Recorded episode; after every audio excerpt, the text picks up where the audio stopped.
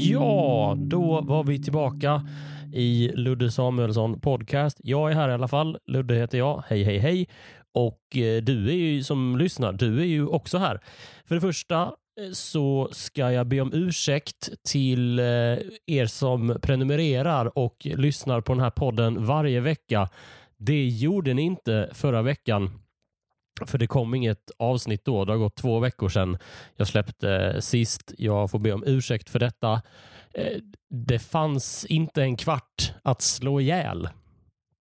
De, hade, de smet ifrån mig, de små jävlarna. Rent schematekniskt, jag hann inte. Det är... Det, det fanns... Okej, okay, det fanns tid, men det fanns inte energi. Det är inte en ursäkt, men det är en förklaring. Så därför. Men eh, nu så är vi ju här och eh, låt oss glädjas allihopa. Igår kväll så beklagade jag mig för min fru över att eh, jag inte, eller att man, att eh, det inte går att köra stand-up. Vi kollade på Louis CKs senaste special ja, som för övrigt släpptes eh, i april 2020, för drygt ett år sedan. Eh, hans första sedan metoo, som är dunderbra. Det är verkligen en av hans eh, bästa. Eh, jag gjorde ju för övrigt en poddserie om specials. Då pratade jag och eh, Carl Stanley om den här specialen. Den heter Sincerely Louis CK. Eh, det avsnittet finns i den här poddfeeden om man scrollar ner eller upp. vilket håll er poddapp nu är upplagd på eller vilket håll ni håller telefonen på. Eh, den är underbra i alla fall. Jag ville kolla på den för det lär ju bli så att Soran Ismail lär ju göra en lik, liknande. Liksom. Soran kommer ju vara svensk standups Louis CK nu på det sättet att han ska komma tillbaka från eh, efter att eh, ha varit anklagad för en rad sexbrott av väldigt många olika kvinnor eh, och personer. Så jag, jag, vet inte, jag, jag, ville bara ha det sagt där, att ni vet om att det är så det kommer bli. Liksom. Eh, det, det har varit en, en eh, väldigt lärorik eh, vecka för eh, svensk eh, standup eh, eller svensk standup-bransch överhuvudtaget. Eh, vi, det har hänt väldigt mycket i standup-branschen, vilket är väldigt konstigt eftersom man liksom inte kan köra standup. Um, och jag, eh, jag, jag, vet inte om du som lyssnar på det här har, följer med, alltså har sett eh, Soran-dokumentären Persona non grata på, på SVT. Jag har ju sett den. Eh, jag, jag har uppfattningen att jag förstår liksom inte riktigt. Jag, jag tyckte inte att SVT hade den. Alltså att det fanns inte underlag för en dokumentär. Det finns många dokumentärer som slutar med den här texten. Vi har försökt få tag på liksom den andra sidan. Alltså inom journalistik så pratar man ofta om att den andra sidan ska komma till tals. Liksom. Um, ja, men om, man, om man har en, eh, en nyhetsartikel eller ett nyhetsreportage som handlar om eh, sossarnas nya förslag så måste man också ha med typ Moderaterna eller SD för att säga att det förslaget är dåligt. Det är så här, låta den andra sidan komma till tals. Och eh, sådan dokumentären slutar ju med att eh, SVT, eller produktionen, eh, meddelar att vi har försökt nå eh, tre av, eh, av kvinnorna som har anmält Soran och de eh, medverkar inte. Eh, kanske så ska man när, man, när man vet det, att vi kommer inte få de här, då kanske man inte ska sända. Då kanske man, ja, men då kanske inte vi, man har en dokumentär. Då, sen har jag förstått att enligt projektledaren så ville man göra en dokumentär som skildrar Sorans perspektiv. Men samtidigt så, så är det ju så här att det blir bara om en dokumentär om en kändis som har varit borta och nu är han här igen. Fast med den närmast unika detaljen att den här kändisen är anklagad av flera oberoende personer för grova brott. Det enda dragvärdet finns det i ordet, alltså det som gör att, alltså USPen, själva anledningen, tittarvärdet, det är liksom att en, en kändis är borta och nu är han här igen. Alltså det är ju, jag tror att jag, jag, jag tror att det är väldigt många som inte alls haft koll på att Soran har varit borta. Alltså det, är, det är fler människor som frågar mig vad hände med Björn Gustafsson än vad hände med Soran Ismail.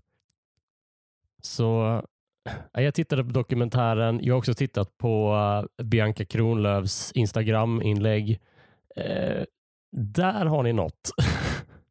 där har ni 13 plus 4 plus 3 minuter. Det är tre, tre eh, olika Insta-posts. Eh, där ni liksom kan där, där ni får ut mer än vad ni kan få ut av att titta på två gånger 30 minuter Soran Ismail slingrar sig. Ja, men när jag såg sådan dokumentär då tänkte jag så här. Alltså, bara för att man har fallit för öppen ridå.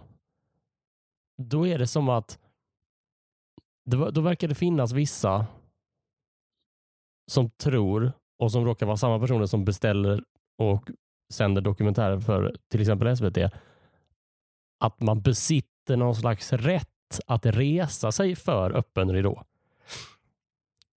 Och så är det väl mig veteligen inte. Det är väl väldigt många som gör grejer och sen så bara glöms bort. Då kan man lika gärna en dokumentär om Anna Blomberg. Anna Blomberg spelar ju, var ju svinstor i mitten av 00-talet när hon spelade hon var ju med i Kvarteret Skatan-ensemblen, spelade eh, David Batras eh, fru, alltså Ulfs fru, Kristina. Eh, som, är, som är en rårolig karaktär eh, som vill åka till Åkers styckebruk eller något sånt där på semester. Hon spelade Kåta Gun och sådär. Men sen har man väl inte sett Anna Blomberg så väldans vansinnigt mycket i sitt liv. Liksom, man kan ju göra en dokumentär om Eh, Anna Blomberg efter cancern. Nu, vet, nu har inte Anna Blomberg alls haft cancer, men om någon, om liksom en SVT-trailer hade sagt det till mig, då hade, man, då hade jag nog tänkt, åh fan, jaha, det är därför man inte har sett henne. Folk gör grejer, blir uppmärksammade, sen försvinner de av, av olika anledningar och sen så kanske det inte är mer med det. Var var vi någonstans? Ja, just det. Vi kollade på Louis C. sin serie Louis CK. Jag beklagade mig över att man inte får köra stand-up. Eller jag, i och för sig, Soran Ismail kör ju stand-up. Han är den enda som har haft ett gig i år. Så eh, man kan köra stand-up, fast det kräver ett väldigt specifikt förarbete på tre år som jag inte riktigt är sugen på att lägga ner. Om man så säger. Men då sa min fru någonting så här. Men du kan ju köra stand-up eh, här nu. Alltså, vadå i vardagsrummet? Ja, exakt. Så sa han så här, du får fem minuter. Och det är ju sånt som folk som har stand-up-klubbar säger till när man börjar med stand-up. Du får fem minuter. Det, det, det, liksom klingade i någon sån Ludde Samuelsson 17 år vaknade till liv inne i kroppen. Och jag bara, ja, jag ska fan köra. Alltså det är värdelösa förutsättningar. Det är en person i publiken och det är min fru. Det finns komiker som klagar på, på så här, det var så göra dåligt ljus. Det här, är då, alltså det här är mentalt dåliga förutsättningar. Det finns fysiskt dåliga förutsättningar. typ att eh, micken är någon sån eh, Singstar mick. Och sen finns det mentalt dåliga förutsättningar. Men jag fick fem minuter på scen och jag fick fem minuter att förbereda mig. Jag fick fem minuter på, inte på scen, men på parkettgolvet. Um, och Jag tänkte att jag skulle eh, dra den rutinen som jag skrev på eh, fem minuter och uh, framförde det. Uh, so brace yourselves for comedy. Då hittade jag en anteckning uh, och jag hittade, där stod det bara jag hatar vind. Så det, det är utgångspunkten för det här. Jag hatar vind, för jag hatar verkligen vind. Det, det är, jag, jag avskyr när det blåser. Jag blir arg när det blåser. Vind är så aggressivt. Det känns som att Gud eller någon är arg på mig. Det, det, vind gör liksom hela mig arg. Olika väder sitter ihop med olika sinnesstämningar. Jag blir glad av sol, jag, blir, jag är rädd för åska, eh, jag blir lite ledsen när det regnar. Eh, men jag, jag blir liksom arg av, av vind. För att det, det hela mig, hela jag, blir allting så här. Andra väder påverkar mig långsiktigt. Alltså sol kan påverka mig alltså, så att jag får solsting. Sol kan också påverka mig extremt negativt långsiktigt om jag liksom utvecklar hudcancer. Men vind påverkar mig bara när det... Vind är ju bara jobbigt när man upplever det och man får ju ingenting för det sen. Liksom, man, man, det är inte som att man får, eh, man får en glass för att man varit ute i vind. Det, jag, tycker, jag tycker att det är en så enormt irriterande och stressande situation att vara utomhus när det blåser. för eh, du vet, man är ute när det blåser och ens jacka får ett eget liv.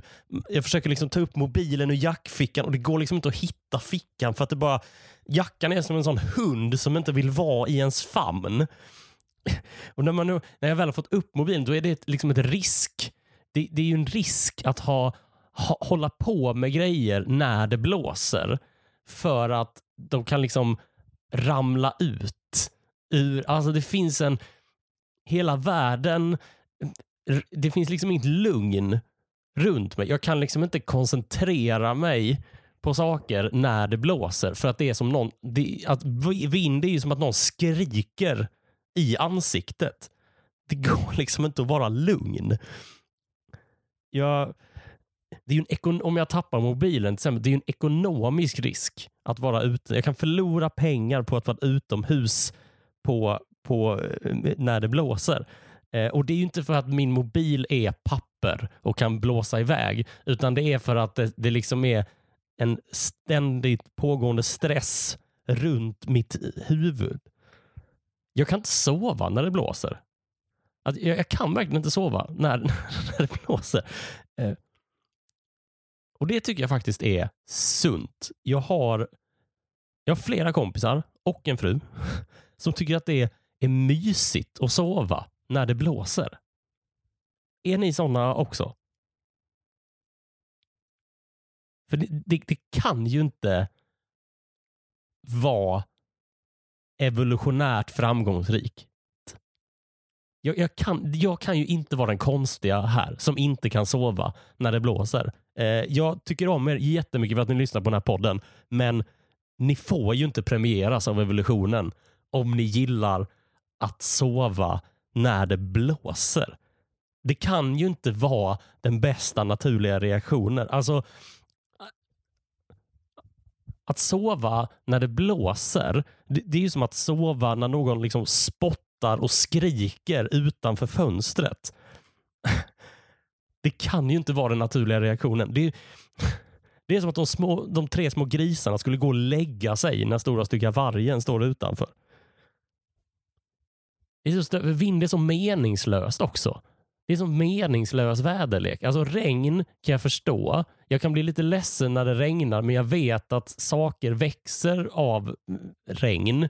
Eh, och då får vi mat och då får vi näring. Liksom. Sol kan jag också förstå för att eh, vi, för att växter behöver solljus och människor blir glada eh, av det. Men vind, jag vet ju varför det blåser och det är för att det är lågtryck någonstans och högtryck någon annanstans och nu måste vi jämna ut det. Men det är fan ingen, inget rimligt skäl kan jag tycka. Eh, varför, varför kan det inte vara jämnt tryck över hela jorden samtidigt? Och jag fattar ju att, eh, att Greta Thunberg och andra har liksom ett svar på den här frågan.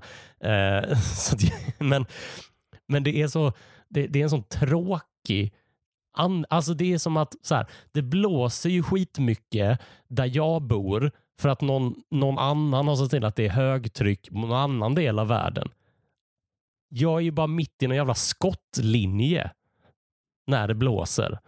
Och det är ju det, att jag straffas för att det regnar någon annanstans. Eller för att det är sol någon annanstans. Jag tycker det är så jävla elakt. Jag tycker vind är elak. Det, det, det ger sig liksom alltid på eh, Jag, jag kommer ju ifrån och bor i klassiska vindstäder. Jag är uppvuxen i Malmö. Numera bor jag i Göteborg. Så jag borde vara rustad för det här. Men jag tror fan att det blir tvärtom. Att ju mer erfarenhet man har av vind, desto mer inser man hur orättvis vind är. Varför angriper den bara eh, eh, fästkusten västkusten och Vind angriper bara arbetarstäder. Göteborg, Malmö.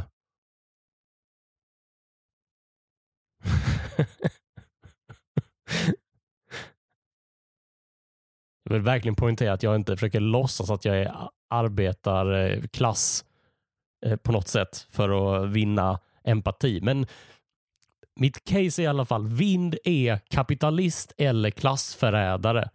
Jag tänker mig att vind är en arbetare. Det känns som att vinden är, liksom, det är någon som spottar, skriker och eh, ja, men lyssnar på vinden. Någon form av PTSD för för mycket övertid lider den ju av. Offentlig sektor har ju, jobbar ju vind i. Men vind är en jävla klassförrädare alltså. Vind håller arbetare i Göteborg och Malmö vakna om natten. För då blir de för trötta för att organisera sig fackligt. Och vind driver direktörernas segelbåtar i semestertid. Mm. Jag tänker att vi håller där va? och eh,